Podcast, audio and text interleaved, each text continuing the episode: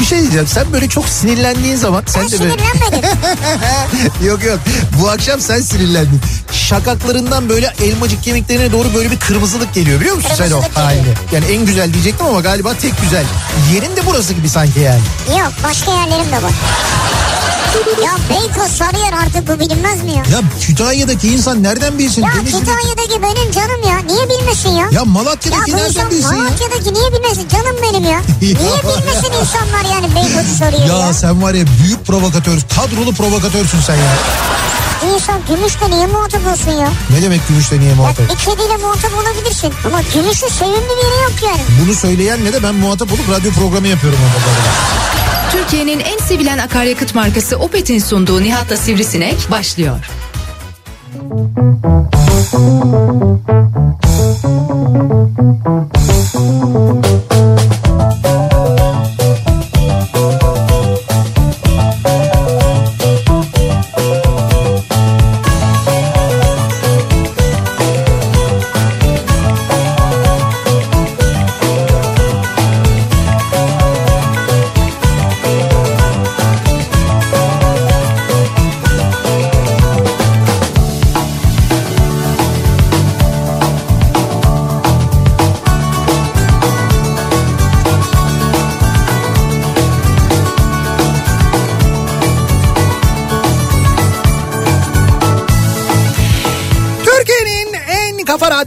radyosundan, kafa radyodan hepinize mutlu akşamlar sevgili dinleyiciler. Opet'in sunduğu Nihat'la Sivrisinek programıyla sizlerle birlikteyiz. Türkiye radyolarının konuşan tek hayvanı Sivrisinek'le birlikte 8'e kadar sürecek yayınımıza başlıyoruz. Salı gününün akşamındayız. 6'yı 5 dakika geçiyor saat 26 Ocak tarih yağmurlu bir İstanbul akşamından sesleniyoruz. Dolayısıyla yağmurlu olunca da artık İstanbul dışında yaşayanların da bildiği üzere yağmurlu ve bol trafikli bir İstanbul akşamından sesleniyoruz. Türkiye'nin ve dünyanın dört bir yanına. Evet evet. Bu mu? Evet evet ne? Evet evet. Yani giriş yaptık işte. Çok güzel giriş yaptın ama gerçekten dolu dolu bir giriş yaptın. Üstelik bana da acayip güzel bir pas vermiş oldun. Gerçekten bundan sonrası için yani. Hayır yağmurlu mağmurlu da ben şeyi merak ettim. Böyle fırtına, rüzgar, kar, o bu geliyor falan, afet var falan gibi bir anons bekliyordum. Şöyle onu ben demiyorum ama meteoroloji e, fırtına uyarısı yapıyor. Ha fırtına var evet. Lodos fırtınasının 120 kilometre sürate ulaşması bekleniyor. İşte bu fırtına işte yani. Abi 120 ne ya? İşte 120 şey Çok yüksek otoyol hız sınırı 120 Evet biraz geçse çevirmeye girer yani. fırtına. Ya işte espri. Yok espri değil bence gerçekten de fırtınaya sağlam bir ceza kesilebilir. Hazır bu aralar cezalar patır patır kesiliyorken. Çok yüksek yani ya. Bir kaynağa da ihtiyaç şey, varken. korkmamız lazım mı yani 120 kilometre E tabii 120 kilometre süratte bir rüzgar eserse korkmaz mısın? Tabii ki korkacaksın. Bu işte e, ağaçların devrilmesine sebep olabiliyor. Otoyollarda araç kullanmak çok tehlikeli oluyor. Özellikle Şey çatılara. geniş gövdeli ediyorsun. araçlar, çatıların e, çatıların üzerindeki kiremitlerin uçması ihtimali söz konusu. E, sonra bacalarda e, işte bu bacaların geri tepmesi ve buna bağlı olarak soba zehirlenmeleri olabilir. Bu konuda çok dikkatli olmak lazım. Yani dolayısıyla fırtına uyarısı gerçekten çok önemli. Önemli doğru. Bir de e, fırtınadan sonra da e, bu arada Lodos fırtınasından sonra rüzgar yönünü değiştiriyor ve e, Poyraz'a dönüyor ve hava aniden soğumaya başlıyor. E, kuzeyden esecek Yani şöyle söyleyeyim bugün mesela İstanbul'da biz yine onlu derecelerdeydik böyle işte 11, 12, 13, 15 derece Evet, civarında evet, falandı güzeldi İstanbul. yani. Evet yani yağmurlu ama hava gayet güzeldi. İşte yarın mesela bir anda 5 dereceye düşüyor İstanbul. Evet Ee, yarın gece de yani çarşamba gecesinden itibaren de Trakya'da kar yağışı başlıyor. Trakya'daki kar İstanbul'a da geliyor. İstanbul Gelmez ya. Ne ya arkadaş bir dakika dur ben Evet, söyleyeyim. söyle. Geliyor da şöyle geliyor. Sıcaklık sıfıra e, düşüyor İstanbul'da gece sıfırın altında da oluyor. Buna bağlı olarak gece beklenen yağışların karla karışık yağmur ve kar şeklinde olması ama özellikle yüksek semtlerde işte Sarıyer gibi ne bileyim ben Beykoz gibi böyle Beylikdüzü gibi yüksek semtlerde buralarda daha e, kar şeklinde olması bekleniyor. Yani bir kar yağışı çarşamba gecesinden sonra var İstanbul'da. Ya nerede var bırakın Allah aşkına ya. İstanbul'a bir kere yağar kar o da yağdı bitti artık. Ya arkadaşım bak böyle Ya yap- bilim konuşuyor bilim ya. Ya bilim konuşuyor işte bilimin söylediğini söylüyorum. Ha, ben Meteoroloji bilim- bilim, ben söylüyor. bilim söylüyorum yani. Meteoroloji. Sen nereden bilim söylüyorsun? Ya işte Sen istatistik. bilim değilsin. Sen ne bilimsin? Ne bileyim ne bileyim işte bu şey gibi bu Ya. zamanda bilim kurulu için söylüyorlar ya ne bilim kurulu. Ya ben istatistik konuşuyorum ya. Ne istatistiği Ya konuşuyorsun? üst üste bu kadar kar yağmaz İstanbul'a. Kaç tane istatistik e, bana söyleyebilirsin? Son 10 yılda bir yıl içinde İstanbul'a kaç kere kar yağmış? Ortalama 4-5'tir yani. O Ya- da peş peşe değildir yani. Nereden bu bilgi? Buradan Kaynak göster. E, buradan şimdi kalkamıyorum. Ya işte onu söylüyorum yani ne kadar saçma. Ha, bu işte daha fazlası var mı Kardeşim sende? Yok. uydurmayın. Meteoroloji Genel Müdürlüğü de dahil olmak üzere birçok meteorologun e, meteorolojiyle uğraşan insanın tahminlerini söylüyorum Keşke ben onu Miktat anlatıyorum. Hoca bizi dinliyor olsa ya. Miktat Hoca Keşke bizi ya. dinliyordur. Miktat Hoca seni dinledikçe adamın canı hamsi çekiyor zaten. Tamam yani güzel hamsi bulunca olacak Neyse, da neyse. neyse biz şimdi bu akşamın konusuna gelelim de bu akşamın konusuna gelmeden önce şöyle aslında konuyla da alakalı. Bugün sabah programında konuştuğumuz bir haber vardı. Ee, Amerika'daki bir dolandırıcılık hadisesi. Bilmiyorum sen duydun mu onu? Şimdi Amerika'da bir dolandır şöyle bir dolandırıcılık olayı oluyor. Amerika'da ya ve Kanada'da e, o ülkenin vatandaşları bir ihalenin bütün detaylarına erişebiliyorlar. Şimdi diyelim ki Amerikan ordusu bir ihale yapacak. İşte Evet. şey yapacak. Ee, mesela askerlerine e, diyelim ki işte bir teçhizat alacak ya da ne bileyim ben bir gemi yaptıracak da o geminin bir parçası var. O geminin parçası ile ilgili bir ihaleye çıkacak. Tamam, Tamam, mı? tamam. Sen bir Amerikan vatandaşı olarak Ben. sen, sen vatandaşı- değil işte ya Amerika vatandaşı olsan sen girip o ihalenin detaylarına o istenen üretilmesi istenen parçanın bütün detaylarına ulaşabiliyorsun. Tamam. Amerika'da yaşayan 3 tane de Türk mühendis bu detaylara ulaşmışlar bir şekilde. Amerikan vatandaşı değiller ama bu arada üçü de. Ulaşmışlar ve ondan sonra bu ihaleye girmişler. Tamam mı? Tamam. Ee, ve e, düşük fiyat vermişler. Yani ben şimdi atıyorum rakamı ben. Diğer firmalar mesela işte bunun tanesi bu parçanın tanesi diyelim 100 dolara üretilir. İşte 110 dolara üretilir, 120 dolara üretilir falan derken bizimkiler demişler ki biz 80 dolara üretiriz bunu. Şimdi orada da şey yok tabii hani böyle Evet. sen 80 dolara üretiyorsun bunu ama e, sen kimsin senin dayın kim amcan kim teşkilattan mısın nereden geliyorsun falan gibi bir durum olmadığı için E, ihaleyi, ihaleyi çat diye kazanmışlar. Ama hani Türkler diyorsun. Olsun. Ya, E nasıl şey- oluyor Amerikan vatandaşı değil? Hayır e, demişler ki biz Amerika'da yaşıyoruz. E, bu, burada bir şirket kurduk. Bu şirkette yani burada da üreteceğiz bu parçaları. Çünkü ihalede şey şartna, şartnamede şöyle bir şey de varmış. Bu parçaları burada üreteceksiniz. Gibi Amerika'da. Amerika'da üreteceksiniz gibi madde varmış ki hani sen mesela 80 dolar fiyat verip diğerleri 100 dolar verirken 80, 80 dolar fiyat verip götürüp bunu başka bir yerde ucuza üretme Ha, diye. mesela Çin'de üretip getirmek. Çin'de üretip getirme diye. Neyse bunlar almışlar bizimkileri ihaleyi daha düşük fiyat vermişler. Ondan sonra işte e, ürünler e, ürünler teslim edilmiş Amerikan ordusuna. Fakat e, yapılan kontrollerde ürünlerin e, dayanıksız olduğu işte eksik malzemeyle yapıldığı ya da işte hatalı olduğu ortaya çıkmış ve bununla ilgili bir haber hazırlanmış hatta. Denilmiş ki eğer bu malzeme kullanılırsa bunu kullanan askerlerin hayatı tehlikeye girer. Sonra bu soruşturma yani soruşturulunca araştırılınca anlaşılmış ki bizimkiler bunu yani bu parçaları Ankara'da eee, şeyde Ostim'de ürettirmişler. Ostim'de mi? Evet Ankara'da Ostim sanayi sitesinde Ostim'de ürettirmişler bu parçaları. Ya aslında üretilebilir yani. Yani Ama doğru üretmek lazım. ha işte Ostim'de ama şimdi tabii Ostim'de olunca hani bir. Bu arada Ostim'de ben bugün sabah bunu anlattıktan sonra beni aradılar dediler ki Ostim'de dediler firmalar var. Ha, evet. Bunlar mesela akredite firmalar. Ee, gerçekten böyle sanayi e, şeyleri sanayi parçaları e, daha doğrusu savunma sanayi parçaları üretiyorlar. Ee, Birçok ülkenin ordusunda da akredite firmalar. E tabii yani iyi yaparsan üretirsin Heh. ama sahtesine gidersen. Evet bizimkiler de e, sahtesine gitmişler. Sonra FBI soruşturma başlatmış. FBI mı? FBI evet. FBI soruşturmasına konu olmuş bu. Çünkü Amerika'da ya hadise. Fakat neticede Amerika'da olsa şimdi FBI bunu Bu soruşturursa... polisin bölgesidir belki orası. Yok FBI bu şey bu hani savunma... Gelmiş polise siz gidin bir işe biz alıyoruz. Evet demiş. biz FBI dağılın buradan demiş. Ha. Fakat sonra o bir tane ajan atanmış bu konuyla ilgili özel bir ajan. O ajan Türkiye'ye gelmiş. Türkiye'de de araştırmalar yapmış. Yani Ostim'de bir FBI ajanı varmış. Aa, Tabii canım. CIA'dir o ya. Yok FBI ya. FBI böyle başka ülkelerde e, Amerika'nın içindeki soruşturmaları da yürütebiliyor. Ha. Yapabiliyorlar onu yani. E, Amerika'nın içindeki bir yolsuzlukla ilgili soruşturmayı FBI gidip yurt dışında da soruşturabiliyor. Yapabiliyormuş onu. Peki gelmiş buraya araştırmış. Gelmiş araştırmış e, işte ceza almışlar hapis cezası almışlar para cezası almışlar 3 tane Bir mühendis. şey olmaz çıkarlar hemen. Ya orada böyle olmayabilir. Bir Biz- bak görürsün kefalet diyecekler bilmem Biz- ne diyecekler 3-5 bin dolara çıkarlar. Zaten para cezaları falan da verilmiş. Yani hem para cezası hem de hapis cezası verilmiş. Peki o ürettikleri malların parasını almışlar mı? Onu almışlar canım. Oo çukka. Ben şeyi hayal ettim. Dedim ki Ostim'de mesela FBI ajanı hani merhaba ben FBI'den geliyorum falan diye. Ya öyle değil tabii herhalde değil mi? Türkçe falan biliyordur. La bir git falan diye adamı böyle terslemiş olabilir. Aa işe bak ya. ya işte bak böyle işte insan e, düşünsene Ostim'de iş yerim var. Orada çalışıyorsun.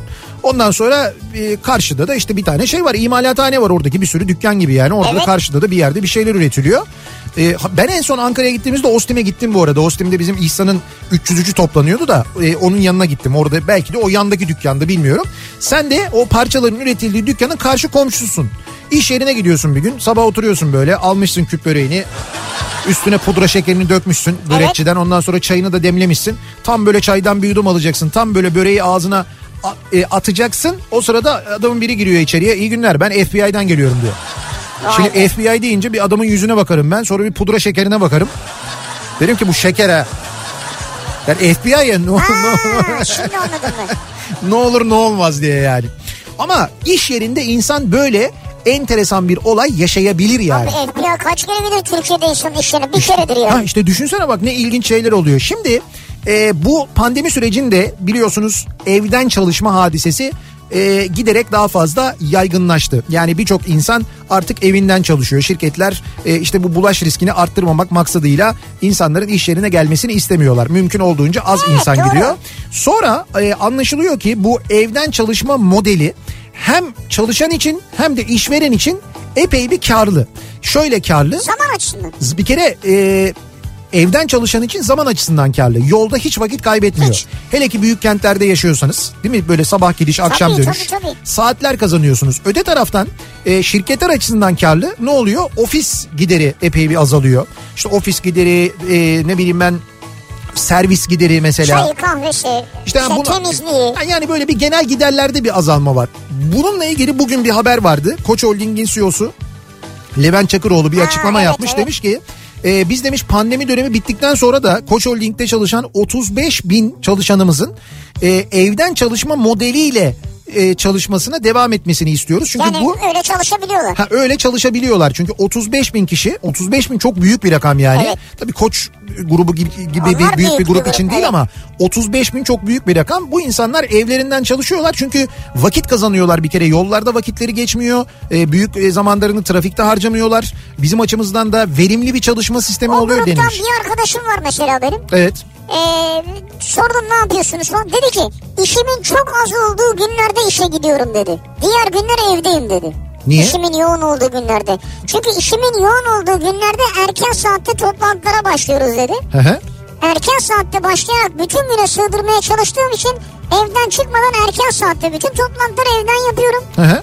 Eğer işim çok azsa, gün içinde bir iki işim toplantım varsa işe gidiyorum. He. Orada toplantı yapıyorum dönüyorum. O zaman vakitten kazanıyorum dedi. Oh. Of değil ama bu. Diyor ki şimdi 8'de toplantıya başlıyoruz mesela. Verimli işte. Yani Ha. bir, bir taraftan da bir Evet. verimlilik getiriyor. Şimdi dolayısıyla belli ki bu bizde de böyle, dünyada da böyle. Epey bir e, çalışma şeklimizi bizim değiştirecek. Yani böyle bir hani iş yeri e, şeyleri vardır ya, iş yeri hikayeleri vardır ya işte bugün iş yerinde şu oldu, bu oldu, bunu yaşadım, şunu yaşadım falan. E, öyküleri, hikayeleri belli ki zamanla azalacak. E Öyle anlaşılıyor. Plazalar falan var onlar ne olacak ya? İşte ne olacak acaba onlar? O kadar e, betona bastık parayı, bastık parayı. Galiba yine yanlış yatırım yaptık. Yani bazıları herhalde olmayacak yani. Abi olmayacak. E ne olur o kadar alışveriş merkezi yapıldı. Alışveriş merkezlerin durumuna bak şimdi. Kaldı ki yeni alışveriş merkezleri açıldıkça diğerleri demode oldukça onlar da biliyorsun şey olmaya başladı böyle. Veri deposu falan olmaya başladılar. O koca koca mağazalar veri deposu olarak kiralanmaya başladı. İçeride böyle işte şeyler var. Ee, büyük dev ne diyorlar onlara? Serverlar? Serverlar falan kuruluyor. Onlar çalışıyor mesela. O hale geldi iş. Ha. Şimdi daha da beter bir durum var yani giderek daha kötüleşiyor. Neyse biz şimdi bu giderek azalan iş yeri muhabbetleriyle alakalı olarak konuşalım istedik. Hani böyle iş yerinde başımıza bir şey gelir de onu böyle e, ömrümüz boyunca arkadaşlarımıza bir komik bir şey anlatılacağı zaman anlatırız ya. Ya bizim Evet, iş evet. yerinde de böyle bir şey oldu. İşte benim başıma şöyle bir şey geldi. Bir arkadaşın başına şöyle bir şey geldi. Böyle bir hata yapıldı. Şirket milyon dolar zarar etti ya da böyle bir şey yapıldı. Böyle bir hata yapıldı. İşte şirket milyon dolar kar etti falan gibi olaylar. Ya da ne bileyim ben çok enteresan iş kazaları gibi hadiseler. Ee, ama böyle hani tabii şey değil. Yani e, nasıl diyeyim ben sana? Ağır kötü şeylerden ağır kötü şeylerden bahsetmiyoruz bahsetmiyoruz. Böyle konuştuğumuz zaman hatırladığımız zaman genel olarak gülümsediğimiz Yani. konulardan Ya işte bahsedelim. bileyim bilgisayarı almışsındır oradan kahve dökmüşsündür falan. Çok gerçekten eğlenceli bir şey evet. Hayır daha kötü böyle kaza fiziksel şeylerden bahsetmiyoruz onu diyorum. Anladım. O mesela bazı bilgisayarlarda kahve döküldüğü zaman e, şeyden fiziksel acıdan daha büyük acı verebiliyor. Yok Yani öyle demeyelim Hem yine. bilgisayarın kıymetiyle alakalı hem de Tabii. içindeki bilgilerle alakalı olarak Bilgilerle söylüyorum. yani. alakalı ama bazen arasından da bir şeyler çıkıyor. Mesela bir şey dökülüyor. Evet. Bakıyorsun gün yüzüne çıkan şeyler oluyor. Yani araya ne bileyim işte çekirdek kabuğu girmiş kahve bilmem nesi girmiş falan. Onlar çıkıyor yani. Bilgisayar senin bilgisayarın üstüne kahve döküldü alttan bir şeyler yüzeye mi çıktı? Ha yüzey kahve değil su dökülünce mesela çıkıyor. Seni pis bir adamsın ya. Ya Nasıl işte- yüzeye çıktı ne demek ya? Kaç metre derinliğinde orası? Derinlik ufacık bir şey işte ya. e niye oraya hiç temizlemiyor musun sen bilgisayarını? Bir temizle. Temizlemiyorsun ne ya? Ne yapacağım? Şey mi çekeceğim? Abi ben- Elektrik süpürgesiyle mi Ya çekeceğim? hayır, elektrik süpürgesi değil ama ben mesela haftada bir ben temizlerim ne bilgisayarımı. yapıyorsun mesela? Ya şeyle e, çok hafif böyle bir kolonyalı mendille önce güzel bir Bu temizlerim. doğru mudur? Bastırmadan. Sen bilirsin. Kolonya, Sen dinlemiyor musun ya? kolonyalı mendil. Dinlemiyorum diyor ya. Kolonyalı mendille bilgisayarı temizlemek doğru mudur? Sakın. Efendim?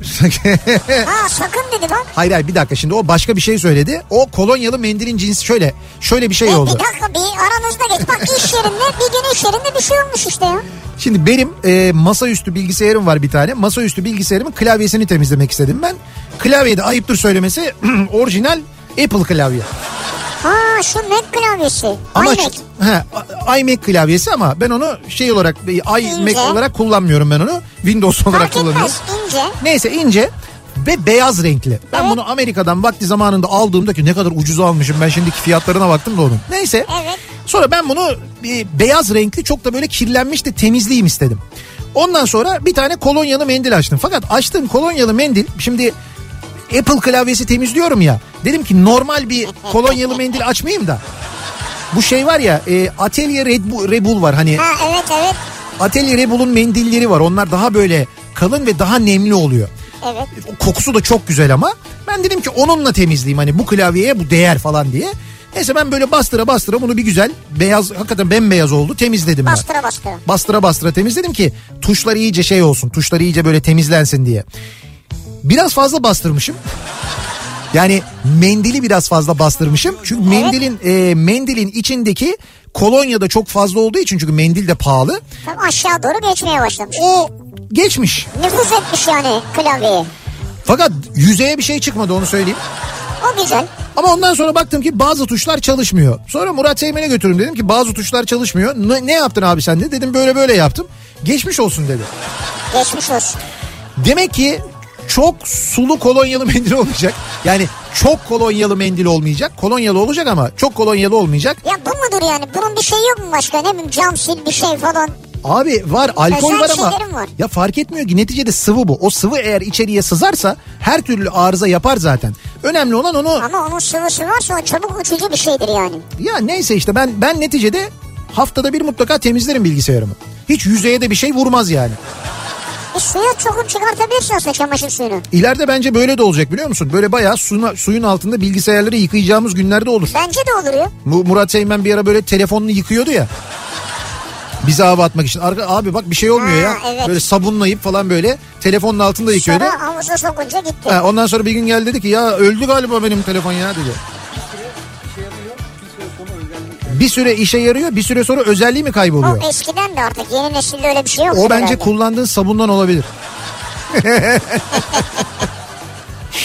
Şimdi konu başlığımız dolayısıyla şöyle. Bir gün iş yerinde, bir gün iş yerinde başınıza gelen yaşadığınız bir ha- hadise bir olay var mı unutamadığınız bunları bizimle paylaşmanızı istiyoruz. Sosyal medya üzerinden yazıp gönderebilirsiniz mesajlarınızı. Twitter'da böyle bir konu başlığımız bir tabelamız bir hashtagimiz an itibariyle mevcut. Bir gün iş yerinde başlığıyla mesajlarınızı Twitter üzerinden yazıp gönderebilirsiniz. Evet.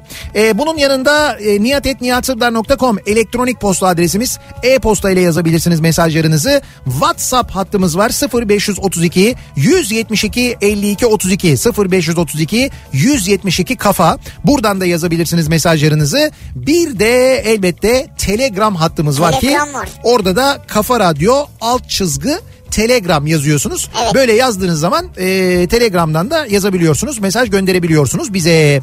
Ve hemen dönüyoruz salı gününün akşamında bu nasıl salı dedirten acayip akşam trafiğinin son durumuna şöyle bir bakıyoruz göz atıyoruz. Kafa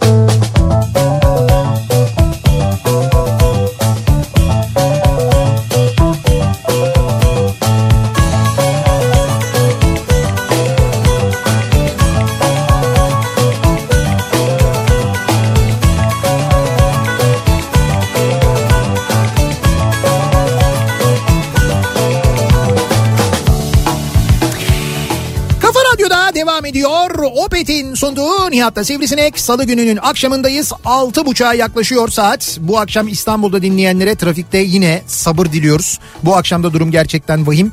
Yani eve varış 9'u bulur mu? O az önce anlattığım yoğun güzergahı kullananlar ya, için. O güzergahta bulur herhalde. Evet evet 9'u geçerdi aslına bakarsanız. Daha da kötü olacak belli. Bu arada e, bizi evlerinde dinleyenler e, artık Dijitürk üzerinden de dinleyebiliyorlar. Evet. Dün gece yarısından itibaren Dijitürk üzerinden 408. kanaldan e, bizi dinleyebiliyorsunuz. 408'deyiz. Evet 408'deyiz. Üstelik e, mevsimsel olarak da şu anda şömine arkası e, radyosu olarak hizmet veriyoruz dinleyicilerimize. Dolayısıyla bakarken bir yandan eğlenmek bir yandan da psikolojik olarak ısınmak söz konusu. E, bu da evin belki ısı giderini azaltması açısından bir miktar faydalı olabilir. E, Dijitürk kullanıyorsanız eğer e, kutunuz zaten normalde gece belli bir saatten sonra kendi kendini güncelliyor olmalı. E, güncel... Baktın güncellemiyor kendin kurulum yaparsın. Evet o Yeniden kolay kurulum. kolay kurulum var. O kolay kurulumla yenilediğinizde 408. kanaldan dinleyebiliyorsunuz.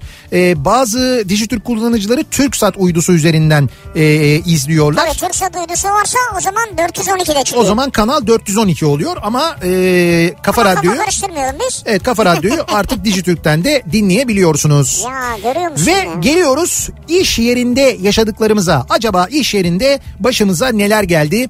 Özellikle evlerde çalışanlar ve iş yerini özleyenlerden mesajlar geliyor. Ha. Hani böyle iş yerinden şikayet edenler, bunalanlar, sevmeyenler ah şimdi keşke olsa da gitsem diyor değil mi? şu anda o moddalar. Ee, diyor ki mesela bir dinleyicimiz garsonluk yaparken işe yeni başladığımda bir adamın üstüne çay döktüm. Adam haliyle bağırdı. Ben de tabii ki haklı olarak bir şey diyemedim. Ee, sonra eşi ne olacak döküldüyse binersin taksiye gidersin dedi. Ee, dengesizsin seni boşama zamanım geldi dedi. Ve kadın kalktı gitti. Adam da bana baktı küfür eder gibi sonra adam da kalktı gitti. Allah Allah. Şimdi adamın üstüne çay dökmüş. Adam çok sinirlenmiş. Ondan sonra yanında eşi varmış. Eşi de demiş ki ne var yani Allah Allah binersin taksiye gidersin ne olacak çay döküldüyse dengesizsin seni boşama vaktim geldi demiş. Sen aslında bir olaya vesile olmuşsun herhalde. Evet yani bardak taşmış gibi Zaten taşmış dökülmüş yani çay. evet bayağı dökülmüş. Miktat hocamız geldi. Hoş gelmiş. Diyor ki İstanbul'da Evet. çarşamba öğleden sonra kar gözüküyor ama Heh. kent ısı adası yüzünden uzun süre tutması zor. Kar yağmış yollara, örtülmüş izler. Gelemem diyorum öf öf şarkısını çalar mısınız? O. Şarkı isteği çalma. Hamsi yok. Bu nasıl radyo ya? Hocam işte öyle bir radyoyuz biz de ya. Fakat Miktat Hoca'dan al haberi bu çok önemli. Ee, kar tutmaz diyor hoca yani. Tutma abi bir şey söyleyeceğim. Bak Evet. ben de söyledim bunu. Sen böyle demedin. Ben nasıl dedim Sen böyle demedin. İstatistik var dedim elimizde ya. Sordum Ya kaynak. bilimsel konuştum. Kaynak ne dedim? İstatistik verileri yani. Sen- Hay, ne- ne- nereden veriler? Nereden? Veri nereden? İşte burada bir yerden yani. İşte burada bir yerden bak. Bir yere kadar gidebiliyorsun. En kötü üçüncü soruda tıkanıp kalıyorsun. Evet doğru. İstatistik öyle verilmez yani. Bir gün iş yerinde taşınıyoruz. İş Evet. yerini taşıyoruz. Ee, sekreterle benim odadaki dosyaları dolaplara diziyoruz. Sırtım oda kapısına dönük. Ee, sekreterimiz de ne güzel odanda balkon var dedi. Ben de cevaben "Ee, tabii kapalı balkon bütün klima dış üniteleri orada. Ee, orası feci yanacak dememle E, ki feci yanacak kısmını ben feci yanacak olarak orası bir şey gibi yanacak demiş. ha feci değil anladım. Benim benim bunu dememle sekreterin gözlerinin patlaması bir oldu. Utancımdan arkamı döndüm. Bu sefer patronla göz göze geldim. Arkamda duruyormuş meğer. Suratım kızardı. Dondum kaldım. Bu arada bunları yazan dinleyicimiz de kadın. Yani bu mesajı ha öyle gönderen. söylemiş oralar. Tabii, tabii. Vay. Ama bir yandan da kahkahayı patlatacağım. Kendimi zor tutuyorum. Patron yüzüme bakıyor. Ben elimi kolumu nereye koyup ne diyeceğimi bilmez bir haldeyken patron kahkahayı patlattı. Hala aynı iş yerindeyim. Sıkıntı yok. Ama sanırım cici hanımefendi bir, biri olduğumu düşünmüyorlar artık. Herhalde diyor. E, herhalde düşünmüyorlardır evet olabilir. Yani bir karizma çizilmiş yani neticede. Evet. Yok zaten eğer böyle arada böyle şeyler kullanıyorsanız yani böyle tabirlerle mesela hava sıcaklığını bu şekilde betimliyorsanız mesela soğuk için ne diyorsunuz acaba diye ben kendi adıma merak ettim onu söyleyeyim yani. Ee, uzak yol gemilerde üçüncü kaptan olarak çalışıyorum. Heh. Şimdi burada da gemi iş yeri. Değil mi neticede? Tabii doğru. Gemi de bir iş yeri yani. Evet ekmek teknesi dediği şey ekmek gemisi onun. Evet bir gün Batı Afrika'da Gana limanında demirdeyiz. Aa. Ben o zaman dördüncü kaptanım. Gece 12'de vardiyam bitti. Gittim yattım. Üçüncü kaptan geldi vardiyayı teslim aldı. Gece 2-3 gibi kameramın kapısı açıldı. Ve içeriye dalan Azeri gemici efendi kaptan gemiye korsanlar çıkıp 7 kişiler diye bağırdı ve kaçtı. Biz tabii hemen apar topar toplandık köprü üstüne çıktık. Köprü üstü ana baba günü gibi Süvari Bey yani kaptan işte efendi kaptan ya da işte süvari derler aslında süvari bey derler Evet. birinci kaptana. İkinci kaptan, üçüncü kaptan, ben baş mühendis, iki mühendis falan anlamaya çalışıyoruz. Kaptanımız Bulgardı. Olayı daha iyi anlamak için çıktık. Ee, kırlangıca balkon gibi düşünün. Bakıyoruz sağa sola ne oluyor diye. Hani o böyle Evet. köprü üstündeki kenarlar. Kırlangıç diyorlarmış ona. Balkondan sağa sola bakıyoruz ne olduğunu anlamak için. Bir baktık geminin yanında bir tekne var. Kaptan projektörü çevirdi. Baktı bir balıkçı teknesi. Sonra aynen şöyle tepki verdi. Balıkçı veya E hani korsan? hayır hayır. Şimdi korsan paniği yaşıyorlar. Evet. Hepsi endişe içindeler. Kaptan da Bulgar. Tamam mı? Ama belli ki hani Bulgaristan göçmeni ya da Evet. Bulgar Biraz- as- biraz evet evet ya Bulgaristan vatandaşı olabilir belki ya da oradan göçmüş olabilir neyse. O panikte korsan mı geldi gemiye falan derken projektörü çeviriyorlar bakıyorlar. Balıkçıyı görünce kaptan yani süvari bey şey diyor balıkçı veya Hiç ondan beklemeyecek bir tepkiyle. Tamam şimdi anlaşıldı. Fakat bunu söylerken surat ifadesini görmeniz gerekir. O sırada gülsek mi, üzülsek mi, sevinsek mi bilemedik. Meğer korsan sandığımız balıkçı teknesiymiş diyor. Şey dördüncü kaptan şu an üçüncü kaptan mıymış kendisi? Şu anda üçüncü kaptanmış. E, nereden yazıyor Whatsapp'tan mı? Evet WhatsApp'tan Ha. yazıyor. Niye hayırdır yol mu soracaksın? Ne? Ha yol soracağım aslında ya. Ama bir daha yazsa göremeyiz de o yüzden. Nasıl bir yol soracaksın mesela? Şunu soracağım. Bu e, şimdi de inşallah kurtulurlar. E, ka- kaçırdılar ya 15 tane Evet. e, mürettebatı maalesef. Hala bir Korsanlar, ha, bir temas şey kurulabilmiş Evet, değil evet. galiba. E, birisi de öldürüldü hatta. Evet. Yani şey bir şeyi merak ediyorum ben. Nasıl çıkıyorlar gemiye yani? Şimdi gemi mesela büyük ya dışarıdan bakınca.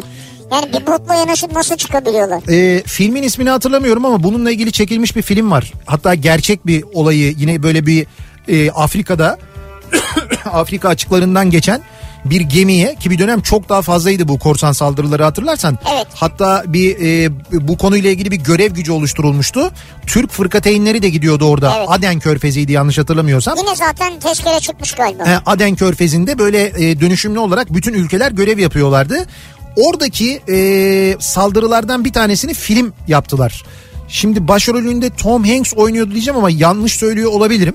E, fakat birebir orada yaşananları anlatan bir film mesela. O film şimdi ismi aklıma gelmedi gelir. O filmi e, izlerseniz nasıl olduğunu çok net anlıyorsunuz. Yani nasıl oluyordu o kocaman kocaman gemilere çıkabiliyorlar, yetişebiliyorlar falan diye.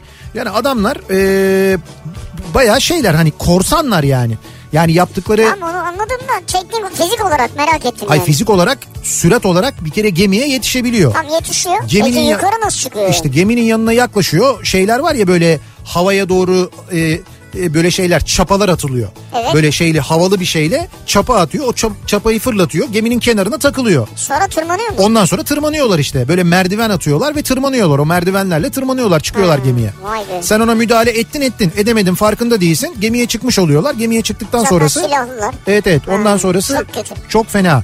Evet doğru Kaptan Philip'miş e, filmin ismi. Tom Hanks başrolde oynuyor. doğru tahmin onu da etmişim ben. ha. Tom Hanks oynuyor başrolde. Kaptan Philip e, filminde ismi. E, izlemediyseniz izleyin. İşte bu mesela gemi kaçırma olayının nasıl olduğunu oradan net bir şekilde izleyebilirsiniz. İyi haber alırız inşallah. Polis memuruyum. Narkotik şubede çalışıyorum. Bizim iş yerinde başımıza gelmeyen kalmıyor diyor İzmir'den bir Bak bu mesela memur dinleyicimiz şey değil göndermiş. mi? Yani bunun üstüne film yapılabilir, dizi yapılabilir. Onun anlattığı hikayelerden. Şey de narkotik. Evet. Hocam narkotikte olmaz olur mu canım? Ne, Kitap yazsa ne olur ya? ne filmler ne filmler olur yani. Ama o kolay değil işte. Bu kadar yazabilmiş zaten o da. Başımıza gelmeyen kalmıyor bu kadar. Özet. Bir gün iş yerinde bu akşamın konusunun başlığı soruyoruz dinleyicilerimize. Siz bir gün iş yerinde acaba ne yaşadınız? Başınıza ne geldi? Bakın işte gemi de bir iş yeri. Belki sizin de enteresan bir iş yeriniz vardır. Sizin iş yeriniz de bir farklıdır. Orada e, yaşadığınız bir şeyler vardır. Bunları bizimle paylaşmanızı istiyoruz. Bir ara verelim. Reklamların ardından yeniden buradayız. Kafa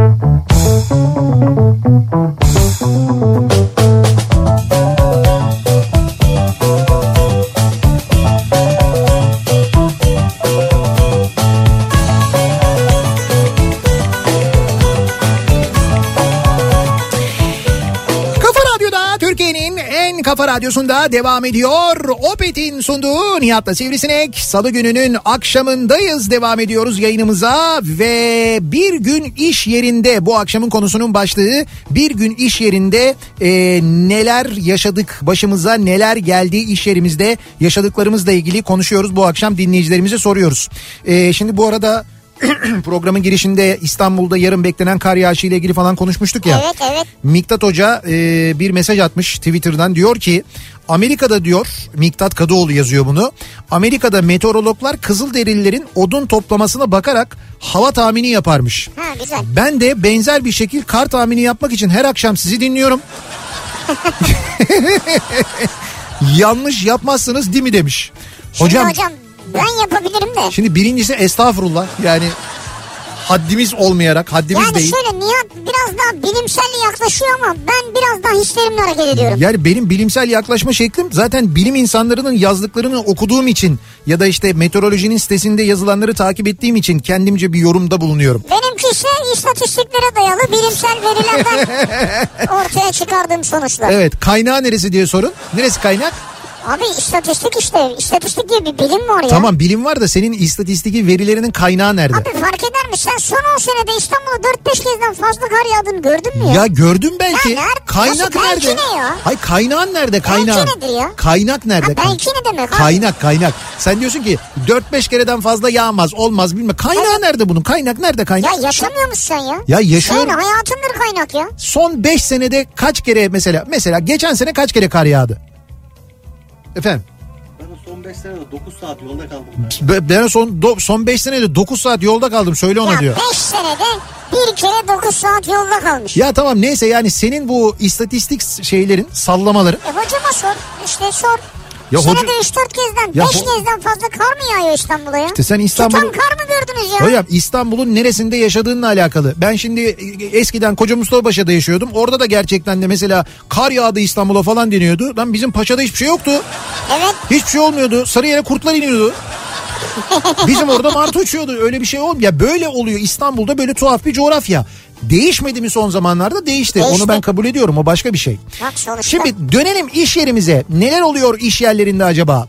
Bir gün iş yerinde Antalya'da büyük bir alışveriş merkezinin taksi durağında sıra beklerken telaşlı bir müşteri geldi. Çabuk sür Hurma Mahallesi'ne dedi. Ne? Çabuk sür Hurma Mahallesi'ne Hurma demiş. Mahallesi. Öyle bir mahalle varmış. Neyse vardık bir apartmana. Oradan bir çocuk aldık. Yine acele şekilde sür Manavgat'a dedi. Manavgat'a? Oo yaşadık dedim içimden. Neyse. Yolda bas gaza bas gaza falan derken geldik Manavgat'ın girişinde 120 ile radara girdik. Müşteri ben hallederim sen merak etme dedi. İndi arabadan polise arkada oturan çocuğu kastederek çocuk hastaydı dedi. O yüzden hız yaptık dedi. Neyse benim radar cezası iptal oldu. Polislerin yanından bir pansiyona gittik. Orada biraz bekledim. Sonra bir çanta dolusu parayla geldiler. Ben tabii daha da şaşırdım. Neyse oradan Manavgat otogarına gittik. Çocuğu otogara bıraktık. Müşteri dön Antalya'ya sür dedi. Neyse vardık Hurma Mahallesi'ne. Müşteri sağ olsun dönüş parasını da verdi. O zamanın parası 200 lira almıştım diyor. Çok büyük paraydı o zaman diyor 200 Ama lira diyor. sağlam yol yapmışsın zaten ya.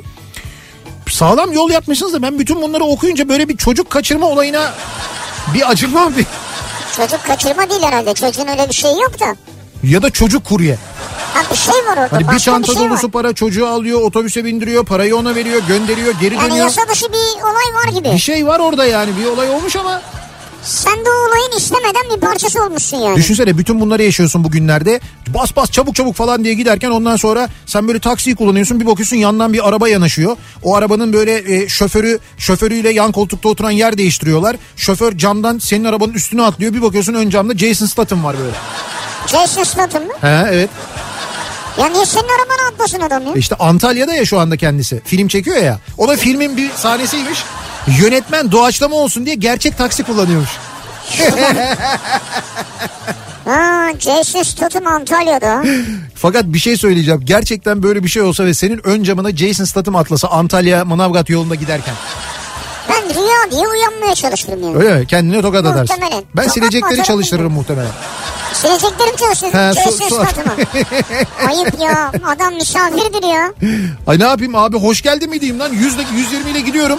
Ön camıma bir adam atlıyor benim. Ne, ne- ne diyeceğim? Hoş geldin mi diyeceğim adama. Ya bu saçma önermeyi sen sundun. Evet. Onun üzerine konuşuyoruz zaten şu anda. O panikle bir tepki verirsin Ne yani. yaparsın? Ben çekil oradan falan. Çekil silme silme. Silme. Bir gün iş yerinde yani taburda. evet. Ha, şimdi asker Askersiniz. askersen de senin iş yerin değil mi? Çalıştığın, görev yaptığın birliğin yani. Taburda radyo dinlemek yasak. Ben de seni dinliyorum. O gece nöbetçiyim. Tabur nöbetçi subayı aniden içeri girdi. Ne yapıyorsun sen dedi radyoda Nihat. Sen de o anda böyle güzel bir şey anlatıyordun. Radyo dinliyorum dedim. Aç bakayım ne diyorsun deyince sesini açtım. Senin anlattığına adam bir kahkaha attı. Yanıma oturdu. Askere çay getir iki tane dedi. Hem yasak hem de eğlenceli olan o nöbeti asla unutamam. Yüzbaşıyla sonra sabaha kadar muhabbet etmiştik. Eve huzur içinde gitmiştim diyor. Allah razı olsun Metin Söz bir yüzbaşım emekli oldu kendisi diyor. Ha emekli oldu işte ben de görevde mi acaba diyecektim. Şimdi Şimdi kendisini de yakmayalım. o yayını dinledikleri için emekli olmamıştır herhalde canım. O kadar değildir yani. Ee, bir gün iş yerinde yemek yiyoruz. Teknik ekip ben ve patronumuz mesai sonrası olduğu için toplantı odasındayız. Patronumuz üniversitede hocamızdı. Yemek muhabbetinde Özgür diye üniversiteden bir arkadaşımın anlattığı bir olayı anlatmaya başladım. Niğde'den gece Kayseri'ye dönerken acıkmışlar ve bir arkadaşıyla lokantaya girmişler. Tabii lokantada yemek yokmuş. Lokantacı yumurta kırayım isterseniz demiş. Bunlar da 14 tane yumurta kırdırmışlar iki kişi için. Allah Allah. Yine başka bir gün hadi tekrar yumurta yemeye gidelim demişler. Lokantaya girmişler. Biz yumurta istiyoruz demişler. Lokantacı kaç tane kırayım abi demiş. 6-7 tane kır demişler. Çok mu olur diye lokantacıya sormuşlar. Lokantacı da ya yok abi geçen iki hayvan geldi. Yok artık. 14 tane kırdılar deyince Yok canım öyle mi demiş ya öyle dememiştir ya. utançlarından biziz diyememişler. Ben bunu anlatınca Özgür'ün yanındaki kişinin kim olduğunu hatırlamadığım için isim verememiştim. Tabii bizim patron o diğer hayvan bendim deyince o hayvanlardan biri de patronmuş meğerse. Hayır bunun için hayvan olmaya gerek yok ya. Açlardır yemişlerdir. Ya işte lokantacı öyle söylemiş Lokantacı da yani. müşterisini böyle satar mı ya? İşte ne olacak şimdi lokantacı öyle demiş. Kadir diyor ki bir gün iş yerinde Tarkan bizim ofise geldi. Tarkan. Web sitesini yapıyorduk. Evet. Tabii çok karizma biri yani böyle görünce diyor. Evet. Acayip. Ama ilk şoku atlatınca Evet. Ya onda olup da bende olmayan ne var falan diye düşünmüyor değil insan diyor. ya Kadir yani tabii sen de Şimdi- güzel bir insansın görüyorum da. Şimdi Kadir'cim Tarkan'da olup da sende olmayan ne olabilir diye şöyle bir düşündüm ben. Mesela Yani adamın bir ışığı var bir yani defa ya. mesela ses olabilir mi bu acaba? Ya ses var sırf ses de değil yani bir ışık star ışığı var ya bir enerjisi var ya. Ya tam o başka bir şey de ki ben ben de tanışmışlığım var Tarkan'da. Hı. Dediğiniz gibi gerçekten öyle bir insan. Bir de şey bir insan gerçekten çok alçak gönüllü, Tabii çok mütevazi bir insan. insan yani. Fakat her şeyden önce lan ses var ya. ses var yani. Sende sende olmayan, onda olan ses var bir kere Bu hiçbir Şimdi şey şey olmasa var yani. ama ünlüyü böyle uzaktan görüyorsun. Evet. Yanına geliyor tanışıyorsun şok falan büyük olay. Bunun bir süre ya- oturup sohbet edince He. Aa, bu da sıradan bir insanmış demeye başlıyorsun yani. Ha, bunun yaptığını ben ne yaparım? Çıkarım harbiye ya. ya çıkarsın ha. Böyle delikten çıkarım böyle iki göğsünü Tabii sallarım. Oo, ateşler arasında. Ee, bir beyaz eşya mağazasında çalışıyordum. Akşam saati dükkanı kapatmaya yakın bir grup müşteri geldi. Beş tane erkekten oluşuyor grup. İki masa, ikinci masada görev yapan arkadaşımıza yönlendirdik. Bu arada biz de evrak işlerimizi toplayıp çıkmaya hazırlanıyoruz. Bir arkadaşımızın annesi ve 3 yaşındaki çocuğu da çıkışa arkadaşımızı almaya gelmişler. Ben de çocukla biraz oynuyorum annesine yardımcı oluyorum. Evet. Müşteriler de hesap kitap konusunda sürekli indirim işte yanında bir hediyesi yok mu falan gibi zorluyorlar satışı yapan arkadaşı. Böyle mağazada uzun dikdörtgen şeklinde geniş görünsün diye duvarlar ayna kaplı. Ben çocukla oynarken yere çömelip eee, kucak kucak diye kendime doğru çağırıyorum. O da Kucak, koşup kucak. kucağıma geliyor. Ha. Oyun oynuyorsunuz. Yani oynuyor böyle çocuğu kucak kucak diyor. Çocuk da böyle koşuyor geliyor. Sonra ben yine böyle kucak kucak demek için eğildiğimde cırt diye bir ses geldi. Aha. Benim pantolonun dikişi söküldü. Arka kısımdan ama popo dışarıda açıkta kalacak şekilde. Ana. İşte o andan sonra büyük bir sessizlik oldu çünkü her yer ayna ve o müşteri grubu anlaşmayı yaptı. İki değil üç ayrı makine almışlardı indirim hediye falan da sormamışlardı. Hayır pantolonum siyahtı. Çamaşırım kırmızı olmasaydı kimse de bir şey anlamayacaktı. Kötü bir şey yok ya. 20 yıl geçti üstünden ben de artık daha dikkatli seçimler yapıyorum renk konusunda. Ha yani şey iç çamaşırını e, kıyafetine göre mi giyiyorsun? Evet, evet artık o vakitten beri diyor kıyafete göre giyiyorum diyor. Mesela sen öyle mi yaparsın? Ben öyle mi yaparım? Ya mesela şu an sende ne o? Lacivert kot mu var altında? Ne var? Yok gri kot var. Gri kot var. İçinde de gri mi var yani? Hayır hayal ederken ne düşünmeliyim yani? Ya birincisi bunu hayal etmemelisin. İkincisi çok lüzumsuz bir konu ve lüzumsuz bir soru yani.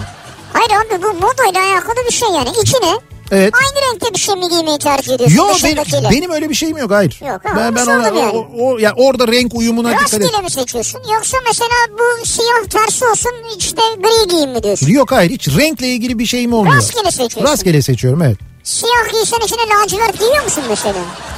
Bunun sonu nereye gidecek çok merak Ha, bir ediyorum. yere gitmeyecek, bu çünkü kadar, bu tabii bırakacağım giymesen daha mı iyi olur acaba falan diye gidiyorum çünkü yani ben onu hayır, anladım hayır.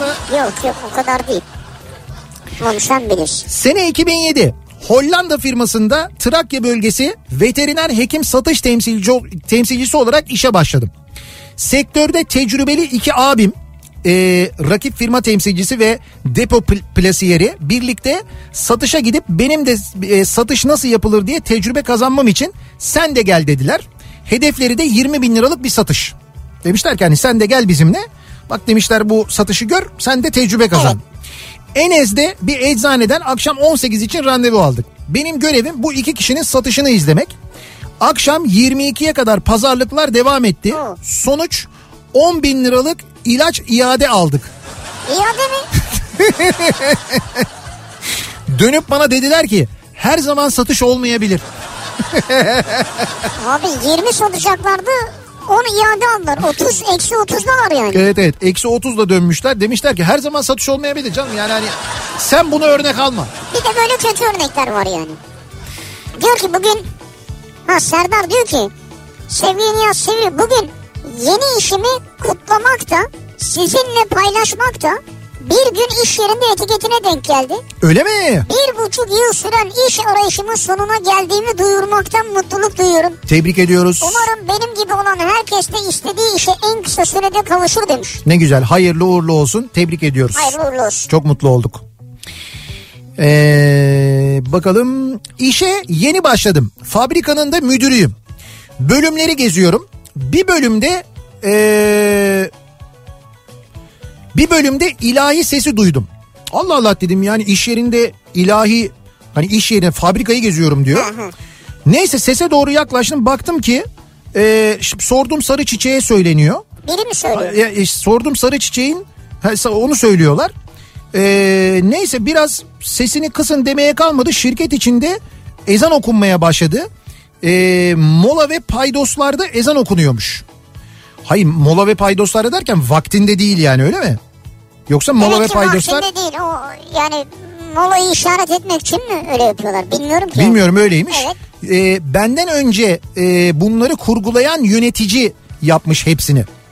Sonra bir şey yapmışlar bir anket yapmışlar devam etsin mi etmesin mi ay etmesin denilmiş ve eski Evet. sisteme geri dönülmüş ondan sonra.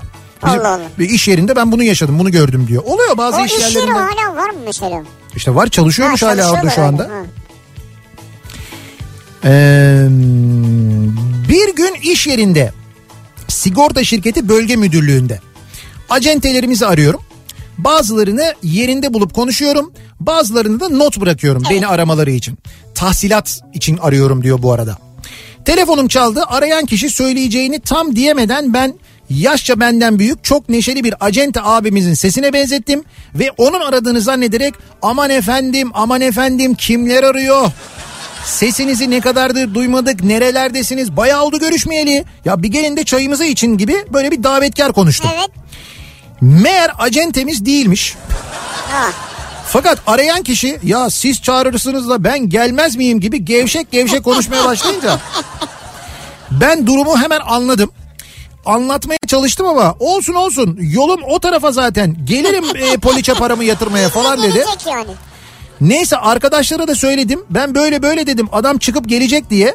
Nitekim bir saat sonra ne hayal ettiyse iş yerine geldi. Aha. Bir de pis pis sırıtıyor. Neyse çok suratsız ve soğuk davrandım da sorunsuz atlattım şükür diyor Mine. Allah Allah. Ama müşteri işte ne yapacaksın? Abi de- işte sen acente zannediyorsun onu başka birisi zannediyorsun.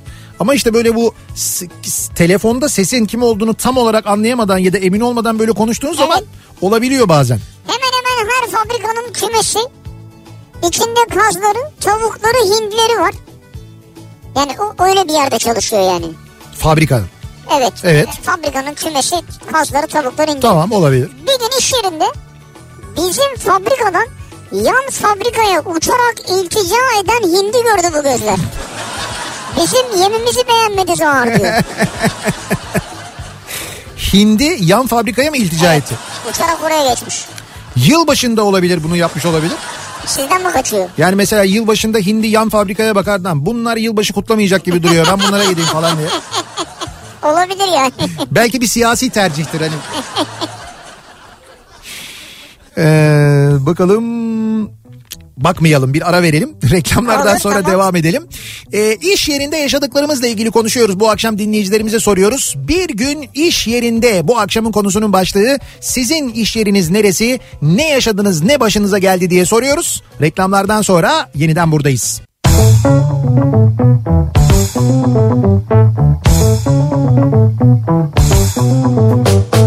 Radyo'da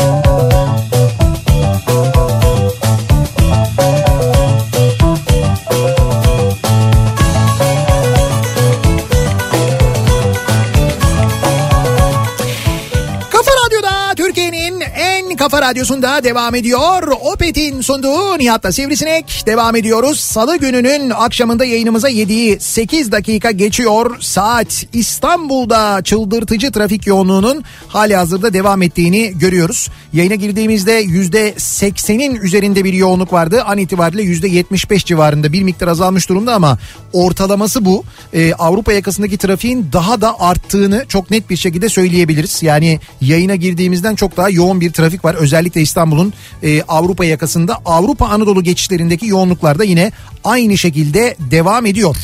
Ve biz iş yerlerinde yaşadığımız e, olaylarla ilgili konuşuyoruz. İş yerinde ne yaşadık, başımıza ne geldi, ne oldu acaba diye soruyoruz. Malum iş yerlerine uzun zamandan beri gidemeyenler, evden çalışmaya devam edenler, belki de bundan sonra hep evden çalışacak olan bir daha ofise iş yerine çok nadir gidecek olanlar ve o günleri e, böyle e, o günleri özleyenler işte neler yaşadılar acaba iş yerlerinde diye soruyoruz. Bir Abi gün iş yerinde yaşanıyor iş yerlerinde bir bilsen. Evet bir gün iş yerinde bu akşamın konusu. Acaba neler oluyor bakalım.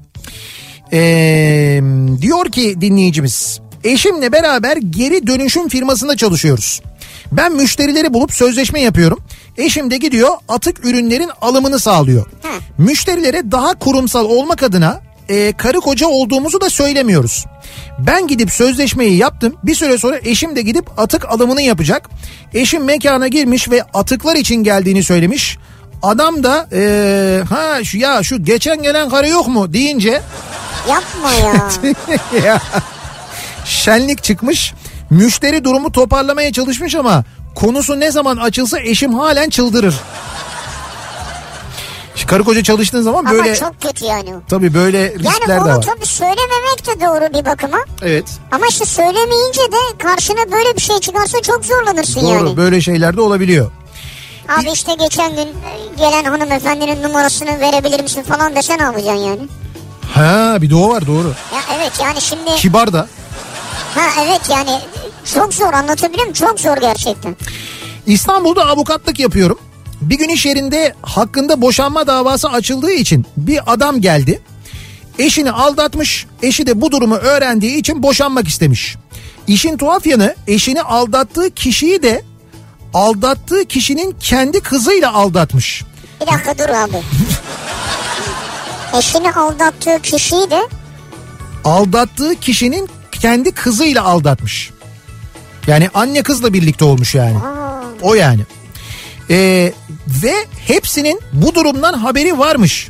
Sonuçsa kimse birbiriyle boşanmadı. kimse birbiriyle mi? Şimdi bu olayı asla unutamıyorum. Ben de şu an zihnimin bir yerine manasızca girdi yani. Bu arada üçü de aynı iş yerinde çalışıyormuş. Hayda. Muhtemelen oradaki insanlar için de unutulmayacak bir olay olmuştur. Yani bizim iş yerinde böyle bir şey yaşandı diye biri anlatsa hadi canım falan dersin ama Hadi canım diyorum. Hala hadi canım diyorum. abi İnanmıyorum avukat yani ya. anlatıyor ya. Ya avukat, avukat hanım, avukat bey doğru mu bu ya? İşte e, doğru canım avukat niye yalan söylesin Böyle yani? bir program mı yapsak acaba biz de akşamları? Ne gibi? Böyle buna benzer hikayeleri anlatsalar. Şey gibi mi bu neydi Esra Erol? Ha bilmiyorum İşte kim yapıyorsa falan. yani veya işte bir başkası yani. Yok yok hiç gerek yok. Ee, Kartal'dan Hakan. O dönem taksicilik yapıyorum. Akşam saatleri Pendik geçitten bir kadın böyle telaş öyle telaşlı bindi ki acilen Yalova'ya gitmem gerekiyor dedi. Ben de birinden kaçıyor diye düşündüm. O sebeple de nasıl gideceksiniz dedim. Gebze Eskihisar feribotuyla geçeriz dedi. Ben de sürdüm. Yalova'ya Yalova'ya geldik. Onu karşılayan kişi ne tuttu kaptan dedi. Ben de 200 lira dedim. Arabanın plakasına baktı. 34'ü görünce neden Pendik'ten feribotla geçmedin dedi kadına. Kadın da bana e feribot varmış dedi. Aha. Dediğim gibi birinden kaçtığını düşündüğüm için o an benim bile aklıma gelmemişti. Olan 200 liraları ne oldu? Sene 2007 diyor. Onların 200 lirası ne oldu? Evet 2007 senesi ama 2007'de 200 lira da iyi, para, yani. Tabii iyi para ya. Hay bugün de iyi para Bugün da de iyi para da o gün çok daha iyi o para. zaman çok iyi para. Ee, bir gün iş yerinde biriyle telefon konuşması yaptım. Kendisinin ismini almam gerekti. Kadın ismi söyledi. Ben anlayamadım dedim. Ee, kodlar mısınız? Başladı. Ee, Samsun'un S'si Ama sonu kötü gidiyor galiba. Ee, Sen öyle bir durakladın ki. O işaret parmağın niye yok yok hayır. konuşmuyorsun diye. Yok şimdi ben devamını okuyorum sonrasında bir sıkıntı olmasın diye. Ha, Kadın başladı kodlamaya. Samsun'un S'si, Adana'nın A'sı, Yozgat'ın Y'si, soy. Giresun'un G'si, Bu. sonra U dedi. Soygun. Ben de neyin U'su diye sordum. Neyin usu mu? Şimdi kodluyor ya.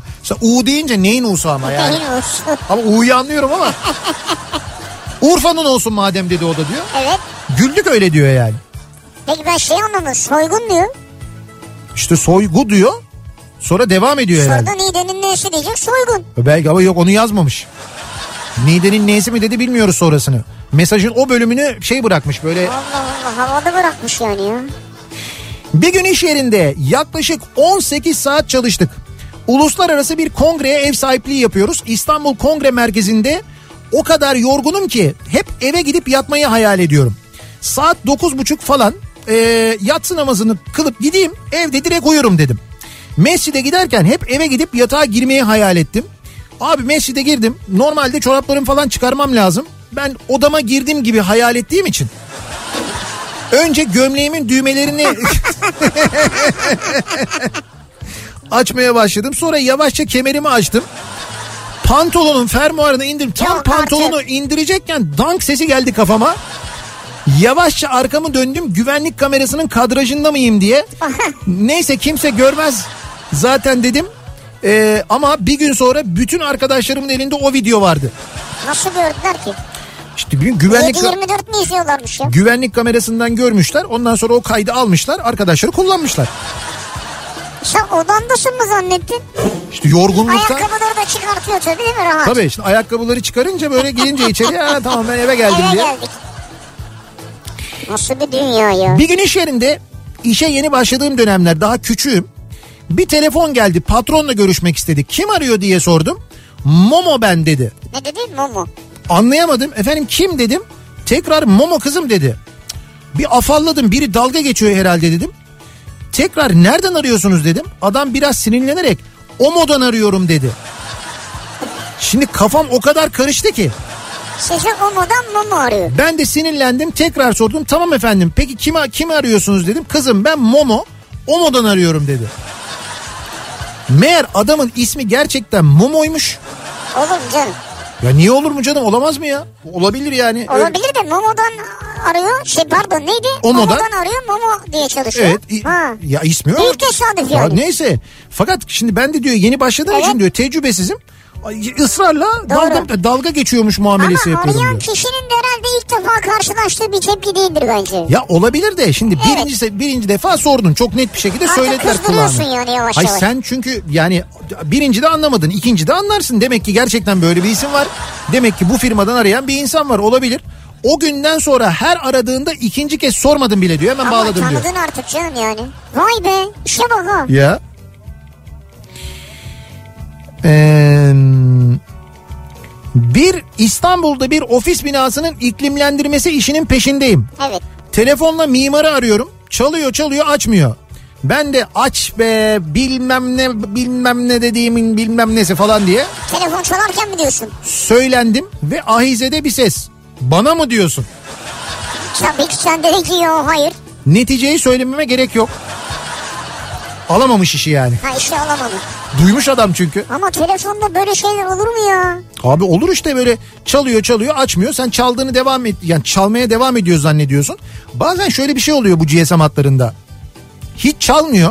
Yani hiç ses yok. Evet. Birden çat diye açılıyor mesela. İşte öyle bir şey de olabilir. Belki öyle bir şeye denk gelmiş olabilir. Ve bazen karşı taraf açmadan senin söylediğini düşündüğü son hecen kelimen gitmiş oluyor karşı. Evet evet o da oluyor ya çok fena. Ama işte o kişiyle ilgili konuşma o sırada yani. Bir de şöyle bir şey var. Telefonu kapattıktan sonra birileriyle ilgili konuşuyorsunuz ya. O telefon bazen kapanmıyor. Ha ona da dikkat doğru. Karşı tarafın kapattığını düşünüyorsun. Masayı masanın üstüne telefonu bırakıyorsun böyle bitti görüşme diye.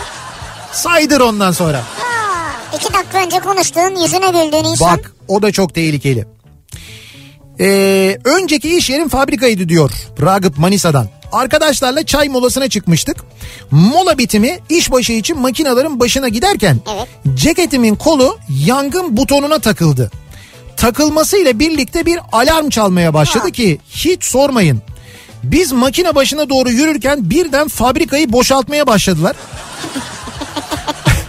Aradan 15 dakika geçtikten sonra amir, genel müdür, insan kaynakları müdürü, iş güvenliği uzmanı hepsi benim yanıma geldi. Ve sen bu butonu nasıl çalıştırmayı becerdin gel bakalım anlat bize dediler. Bence haklılar. Ee, Yani çünkü montun veya bir parça takılarak alarm nasıl çalışır ki ya? çok enteresan. Ben de tabii diyor Yusuf Yusuf yaparak anlattım ama diyor yani ben geçerken şöyle takıldı bilmem ne oldu falan diye. Ay başında e, iki maaş aldım ama diyor. İkramiye mi verdiler? İkramiye Bravo. vermişler ay Ne alaka anlamadım ben. Kritik bir hatayı ortaya çıkardığı için olabilir belki. İstemeden. İstemeden. Böyle bir şey olabilir. Sonra önümüzdeki ay bir daha mı çaldın? Kanalizasyon da böyle çalışmıyormuş. Şimdi sevgili dinleyiciler geçen haftalarda hatırlarsanız e, ZF'den bahsetmiştik ya size. Ha sen bayağı tarihçeden girip başlamıştın. ZF'nin tarihini anlatmıştım. ZF e, yani Türkiye'de aslında özellikle ağır vasıta kullananların çok yakından bildiği bir marka. Şimdi ZF otomobil teknolojileri üretiyor ve özellikle bu şanzıman konusunda dünyanın en büyük firmalarından bir tanesi ve en uzman olanlarından bir tanesi. Ve biz demiştik ki geçen hafta size özellikle arabası otomatik şanzımanlı olanlar tabii her şimdi insanlar kullandıkları arabaların şanzımanlarının ne marka olduğunu bilmeyebilirler. Bu Bilmeyebilirler, gayet normal. Şimdi bazı markalarla özellikle bazı markalarla çalışıyor zaten ZF. Şimdi kullandığınız e, otomobil işte mesela BMW marka bir otomobilse e, ya da mesela e, Audi marka bir otomobilse ki Audi'nin bazı modellerinde var. İşte Land Rover'in evet Land Rover'ın e, mesela modellerinden bir tanesi ise Jaguar da var. Jaguar'lar da var. Bunların hepsinin şanzımanlarının neredeyse tamamı ZF. Volkswagen Amarok da var. Evet Volkswagen Amarok'ta da var doğru mesela onun da şanzımanı ZF. Şimdi bu otomatik şanzıman konusunda gerçekten de çok uzmanlar. Hatta şöyle söyleyebilirim ben dünyanın e, ilk otomatik şanzımanını da onlar yapmışlar. Mesela dünyanın ilk 5 ileri otomatik şanzımanı ZF tarafından yapılmış. Ha. Evet. Güzel. E, ilk otomatik şanzıman 1965 senesinde yapılmış bu arada. 1965. İlk otomatik 5 ileri otomatik şanzıman da 1991 yılında yapılmış. Hatta 1991 yılında bir otomobilde kullanılan ilk 5 ileri otomatik şanzıman BMW E36 kasa diyebilirler BMW sevenler. E, BMW'nin 3 serisi 90'lı yılların Ha. 91 model 3 serisi e, ve E34'te 5 serisinde kullanılmaya başlanmış. 99 yılında ilk 6 ileri otomatik şanzımanı yine e, ZF geliştirmiş. Onu da E38 kasasında e, kullanmışlar. 2005'te geliştirilen CVT şanzımansa bazı Ford modellerinde de e, kullanılmış aynı zamanda. E, günümüzde hala Honda tarafından da kullanılıyormuş. 9 ileri otomatik şanzıman şeklinde o, ileri. o CVT şanzıman E, ve e, yine ZF tarafından üretilmeye devam ediyor. E, ayrıca işte enine motorlu e, Land Rover ve Jeep modellerinde kullanılan 9 ileri otomatik şanzımanlarda yine ZF tarafından üretiliyor. Ki Alfa Romeo'da var, e, Volkswagen'de, Audi'de, işte BMW'de, e, Land Rover'da, Aston Martin'de, Bugatti'de mesela, Jaguar, Maserati, Rolls-Royce, Chrysler, Dodge, Bentley gibi markaların kullandığı 8 ileri e, otomatik şanzımanlarda yine ZF üretimi. Yani bu araçlardan birini kullanıyor olabilirsiniz Evet. belki de. Evet. Ama o araçların şanzımanının markasını belki bilmiyorsunuz. Bilmiyor olabilirsiniz. Ama bilinen bir marka ZF tabii. Dünyaca kabul edilmiş bir marka. Şimdi bu şanzımanların e, otomobil biraz daha ilgili olanlar tabii özellikle otomatik şanzımanların e, işte bu yağ değişimi meselesi vardır. Şanzıman yağı değişimi. Bunlar böyle çok uzun aralıklarla Evet, yapılır. evet. Fakat şöyle bir durum var. Şanzıman yağı değiştirildiğinde şanzımanın içindeki yağın tamamı değişmez. Aa. Mesela şanzımanın içinde diyelim 8 litre bir yağ varsa Evet. bunun e, yaklaşık 4 litresi değişiyor. Nasıl oluyor? Ya çünkü nasıl onu değiştiriyor yani? şimdi o tıpayı açtığında şanzımanın Ha, içindeki yağ açıyor. boşaldığında Boşalıyor. tamamı boşalmıyor. İçinde o mekanizmanın içinde o yağın neredeyse yarıya Ha, kadarı kalıyor. Hı. Ee, dolayısıyla yeni yağ konduğunda işte mesela 4 litre konuyor. Onu böyle çektirsek mesela. Çektirsek derken Yani böyle olur yani böyle tık tık yaparsın böyle su veya benzin şey bu şey böyle bir şeyden depodan böyle hop çeker. Tabii yağ şanzıman yani. evet. Şimdi onu öyle yapmıyorlar. Normal evet. ama ama bu şekilde yaptıkları flashing dedikleri bir sistem var ki Ha. bu sistemi de şimdi onu anlatacağım asıl İstanbul'da Sultanbeyli'de ZF Türkiye'nin açtığı bir servis var. Artık binek araçlara da hizmet veriyorlar ve orada yapıyorlar. Yani Ne o- yapıyorlar yani? Abi şöyle git, git götürüyorsun arabanı. Otomatik şanzımanlı bir araban var. İşte dediğim gibi mesela araban ne? İşte BMW olabilir. Ya da e, saydığım arabalar, Evet. saydığım modeller. Götürüyorsun arabanı. E, şanzımanın içindeki yağın tamamını 8 litrenin tamamını mı tamamını flashing dedikleri bir teknolojiyle bir pompa teknolojisiyle tamamen O boşaltıyorlar. zaman daha fazla yağ kullanıyorlar Tabii herhalde. ve evet. içini tamamen temizliyorlar. Bu e, özellikle şu otomatik vites araba kullananların hani bu ya bu vites geçişlerinde vuruntu yapıyor Ha, dedikleri. evet evet Heh. vuruyor falan. Şimdi ha o vuruntu ortadan kalkıyor birincisi. İkincisi şanzımanın ömrü çok uzuyor. Ee, çok da faydalı bir işlem ve bunu da hani tamamını bu şekilde boşaltarak Türkiye'de yapan başka kimse yok. Dolayısıyla ZF'nin bu yaptığı yani ZF'nin e, Sultanbeyli'de açtığı bir e, servisi var şu anda. Binek araçlar için Sultanbeyli Binek Şanzıman Bakım ve Onarım Merkezi diye geçiyor. Evet. Orada bunu yapıyorlar. Şimdi biz 3 dinleyicimize e, bu bakıma armağan edeceğiz. Bu arada bu bahsettiğim bakımın bedeli 3000 lira sevgili dinleyiciler. Yani bu dediğim işlem var Yani ya. bu flashing işlemi yapılacak. Yağ komple değişecek Komple şanzımanı. değişecek o şanzımanın işte bütün temizliği falan yapılacak. Bu bahsettiğim işlem 3000 lira. Aslında benim anladığım He. yani bu e, yağ bunun içindeki yağ zaten e, hani bir uzun süreli kullanılabilecek neredeyse ömürlük kullanılabilecek bir yağ ama 80-100 bin civarında bir değiştirmekte fayda var. Evet evet fayda Evet. var doğru. Çünkü e, üreticiye verilirken bu şanzımanlar da bu arabalar üretilirken de içine konulan yağ ile ilgili böyle Evet, deniyor. evet. Fakat bunun da dönem dönem dediğin Doğru. Gibi uzun aralıklarla da Tamam. olsa değişmesi ve temizlenmesi gerekiyor. Çünkü sürekli çalışan bir mekanizma o yani. Şimdi dediğim gibi e, ZF Sultanbeyli İstanbul'da yer alan genel merkezinde binek araç kullanıcılarına yönelik e, 6 ve 8 ileri otomatik şanzıman bakım ve onarım hizmetleri vermeye başladı artık. Tamam. İşte biz bu merkezde 3 dinleyicimizin arabasına bu bakımı yaptıracağız. Ha güzel. Evet.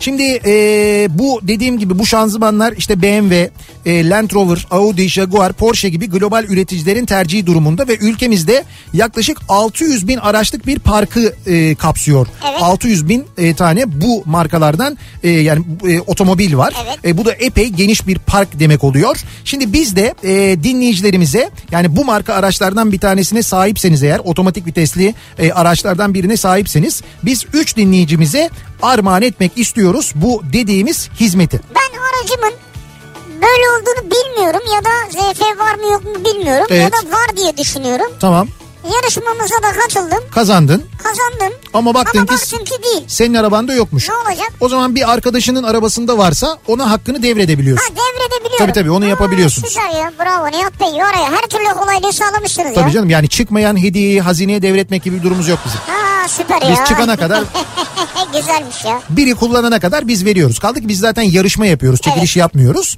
Şimdi dolayısıyla böyle bir mini yarışma yapacağız ve bu mini yarışmayla dinleyicilerimize e, armağan edeceğiz. E, bu arada siz de eğer hani gidip bu şekilde bakım yaptırmak istiyorsanız bir kere zftürkiye.com sitesine girebilirsiniz. Evet. E, zftürkiye.com sitesinde hangi marka model araçlarda şanzımanların olduğunu hepsini görebiliyorsunuz. Oradan bilgi edinebiliyorsunuz. Buradan randevu da alabiliyorsunuz aynı zamanda. Ee, ya da işte e-posta ile de randevu alabiliyorsunuz. 0216 592 07 50 numaralı telefonu da aynı zamanda arayarak e, randevu alabiliyorsunuz. ZF'den e, servis için. Bunu da söyleyelim. Şimdi e, bir soru soracağız. Bu sorunun doğru yanıtını bize yarışma et kafaradyo.com adresine doğru olarak gönderen yalnız adınız soyadınız adresiniz ve telefonunuz da yazsın. 3 dinleyicimize armağan edeceğiz. Bu dediğimiz gibi 3000 lira değerindeki otomatik şanzıman bakımını ZF Türkiye'den. Ben biliyorum sorunun yanıtını galiba. Sorunun yanıtını Soruyu bilmiyorum ama şöyle söyleyeyim. Az önce verdiğim bilgiler içinde, dört basamaklı. az önce bahsettiğim bilgiler içinde demiştim ya size hani e, ilk otomatik şanzımanla Ha. ilgili sonra dedim hatta Vallahi biliyorum. dünyanın ilk 5 ileri otomatik şanzımanı hatta dedim ki BMW'nin dedim E36 kasasında kullanılmış Evet. 3 serisinde kullanılmış dedim hangi yıl yapmış ZF dünyanın ilk 5 ileri otomatik şanzımanını Nasıl vereceğiz bunu? şöyle vereceğiz doğru yanıtı bize gönderen 100. 200. ve 300. e-postanın sahibine armağan edeceğiz Tamam. bu şanzıman bakımını Yarışma et kafaradyo.com. Evet yani özellikle bir kez daha söylüyorum aracınız e, BMW ise otomatik vites e, bir BMW ise e, ondan sonra e, Land Rover'sa, Audi ise, Jaguar'sa, Porsche ise e, böyle bir araç kullanıyorsanız ki bence yaşı önemli değil. Burada önemli olan e, otomatik vites olması. Çünkü otomatik vitese ZF şanzıman Evet. kullanılıyor zaten. O zaman yaş önem e, önem kazanmıyor. Yani eski model de olabilir fark etmez. O zaman aracınızın şanzımanına böyle bir komple bakım armağan ediyoruz. Yarışma et kafaradyo.com adresine bekliyoruz Abi cevaplarınızı. öyle bir anlattın ki yani kendime böyle bir komple yağ bakımı yaptırasım geldi ya. Flashing. Ya mesela 8 litre yağ Evet. benim üstümden böyle döksen Evet. böyle bir şey e, rahatlar Şey ya? Jason Statham o işte. Jason Statham mı? Hani Yine böyle mi bir- Jason Statham mı? Bir otobüs garajında kavga ediyordu ya üstüne böyle komple yağ döküyordu. Ondan sonra böyle kayıyordu. Adamlar onu yakalamaya çalışıyordu. Vıcıt kayıyordu, vıcıt kayıyordu böyle. Onun gibi bir şey yani. Yani. Şimdi biz bekliyoruz yanıtlarınızı bir yandan bakalım. 3 dinleyicimize dediğimiz gibi armağan edeceğiz. Ee, bu şanzıman bakımını ki dediğim gibi 3 bin lira değerinde bir şey armağan ediyoruz. Bence güzel. Hem de çok, Çok önemli güzel. bir işlem armağan ediyoruz. Bekliyoruz yanıtlarınızı. İş yerinizde neler yaşadığınızı konuşuyoruz. İş yerimizde başımıza ne geldi unutamadığımız, düşündüğümüzde hatırladığımızda böyle çok güldüğümüz ya da böyle kızardığımız neler var acaba diye soruyoruz. Reklamlardan sonra yeniden buradayız. Kafa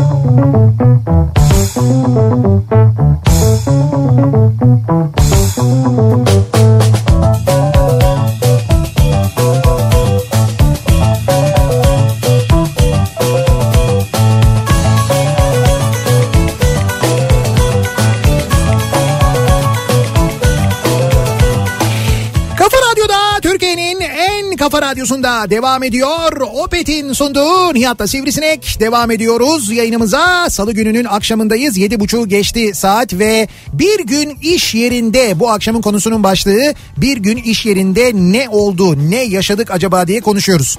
Biz bunları konuşurken e, arabalarının markalarını modellerini e, hemen böyle bilgisayara bilgisayara yazıp acaba şanzımanı ne markaymış diye araştıran dinleyicilerimiz olmuş. Bizimki de ZF diye yazanlar var. O zaman siz de katılabiliyorsunuz. Kaldı ki siz yarışmaya katılın, kazanın.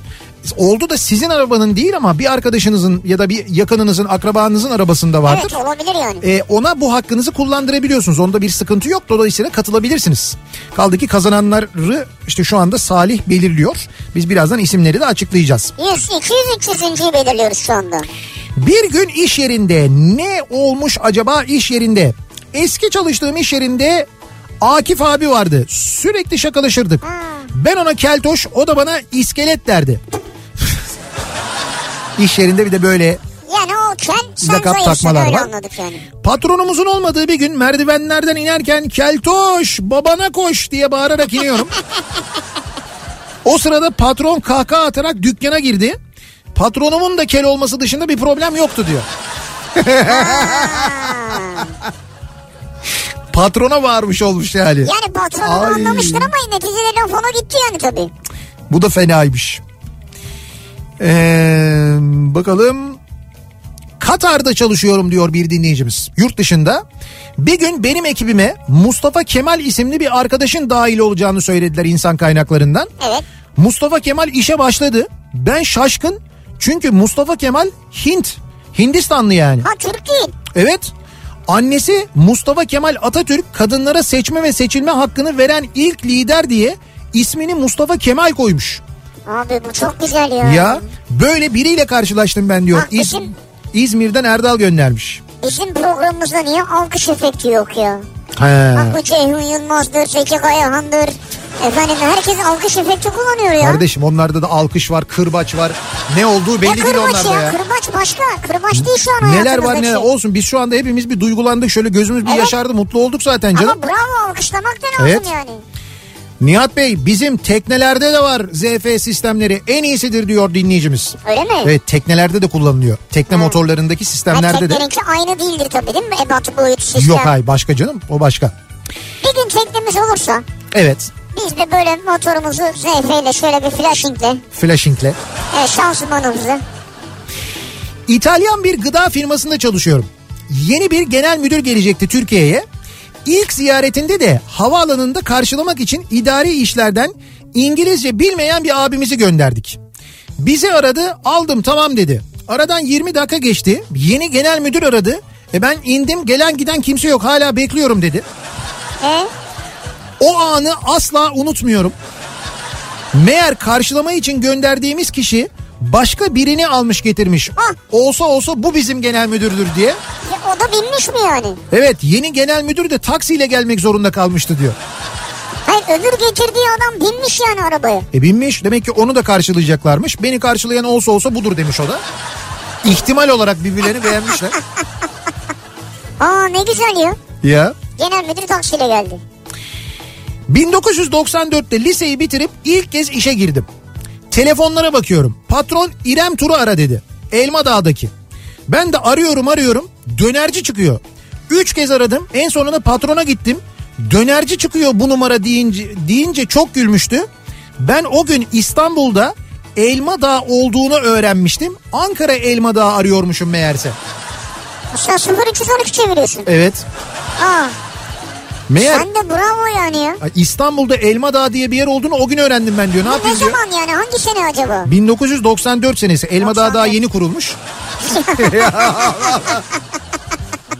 Hayır o anlamda sormadım yani insan şey yapar merak eder bakar der ki yani bu İrem Tur'un numarası neymiş internetten bakar ya. İşte do- 94 senesinde öyle bir O internetten internet yok dumanla haberleşiyoruz. Ba- hayır baka internetten bakamıyorsun. Telefon numarasını ya rehberden buluyorsun ya da bilinmeyen numaraları arıyorsun soruyorsun. Nereden Öyle bileceksin? yapacaksın abi en fazla.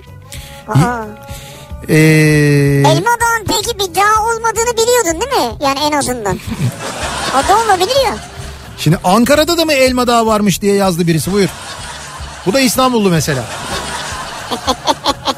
Ankara'da da Elma Dağı var. Hatta Ankara'daki Elma Dağı bayağı bildiğin dağ gibi yani. Yani orada mesela Ankara'nın birçok yerinde kar olmaz. Elma Dağı'da kar olur. Hatta Ha.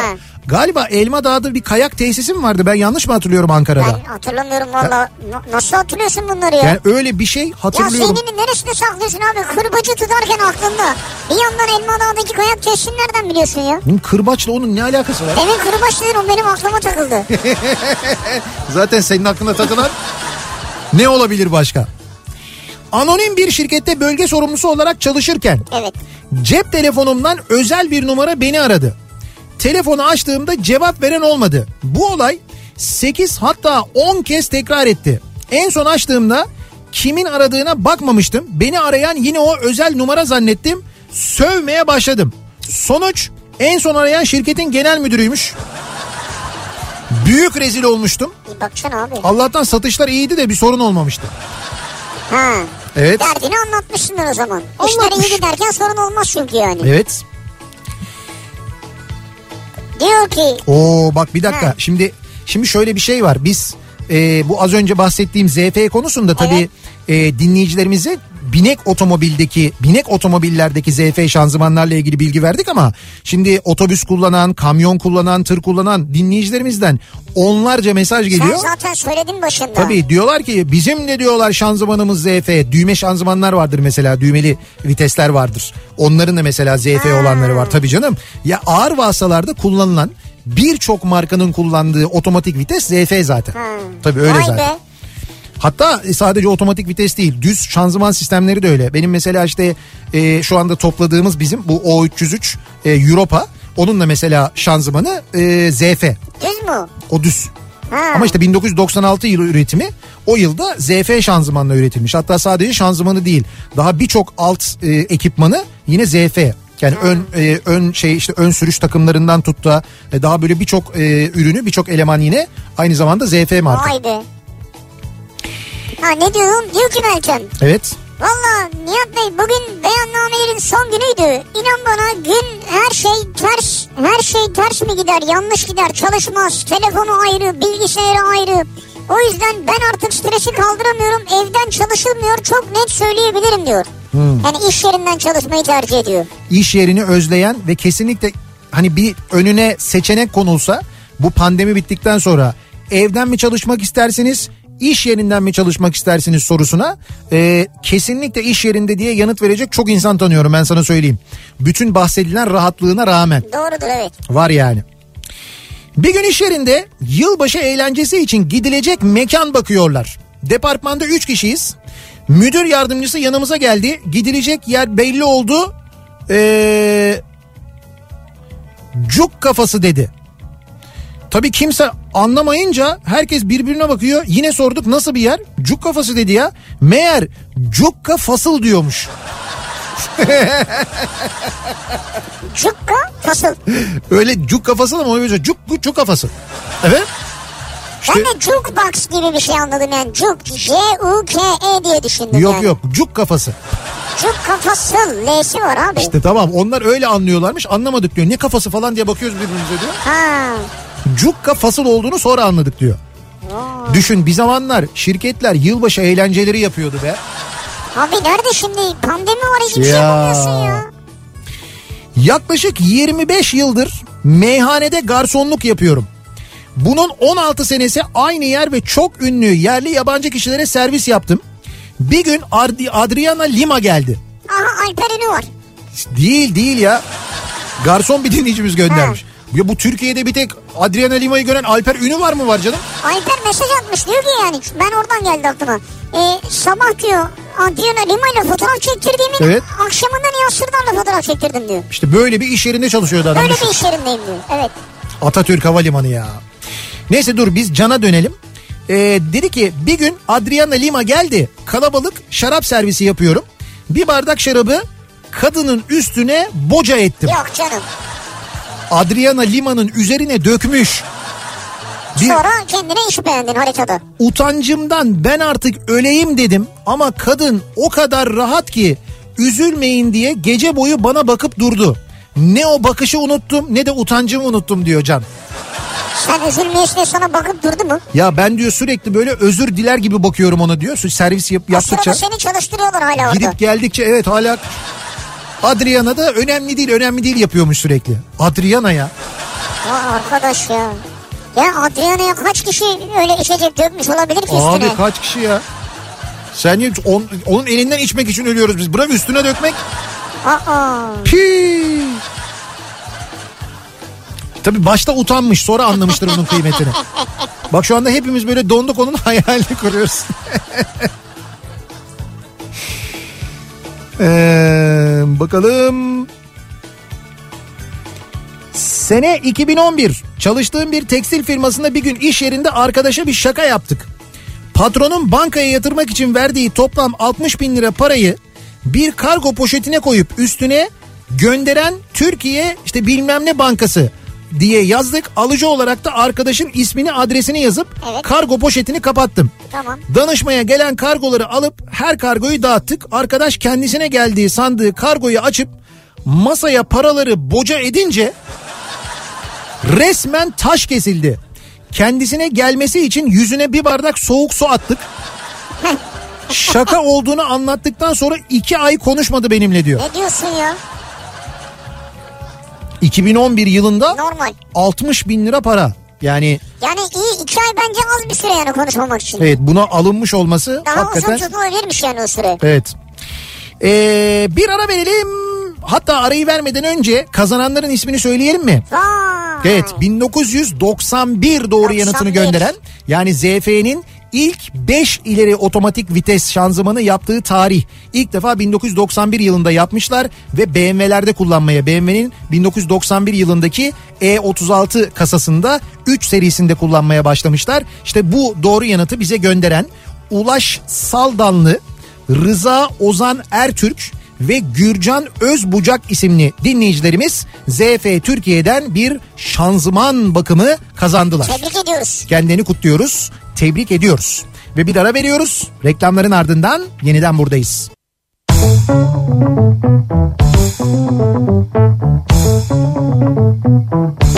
Kafa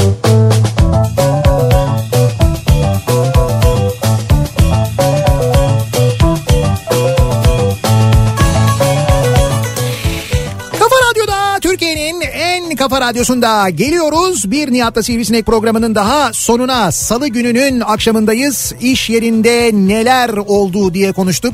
Hala işe gidip gelenler hatta şu anda işten eve dönemeyenler, trafikte olanlar onlara bir kere sabır diliyoruz. Ee, evlerinde olanlar ve iş yerine gidemediği için evden çalışmaktan bulanan, bunalanlar onlara da aynı zamanda sabır diliyoruz. Ve mikrofonu Bedia Ceylan Güzelce'ye devrediyoruz. Birazdan Bedia sizlerle birlikte olacak. Kültür Sanat Kafası Dünyası programında konuğu da Anadolu Efes Kurumsal İletişim ve İlişkiler Direktörü Selda Susal Saatçi olacak. Birazdan çok keyifli bir sohbet gerçekleştirecekler. Yarın sabah 7'de ben yeniden bu mikrofondayım. Akşam Sivrisinek'le birlikte yeniden buradayız. Tekrar görüşünceye dek hoşçakalın. Güle güle.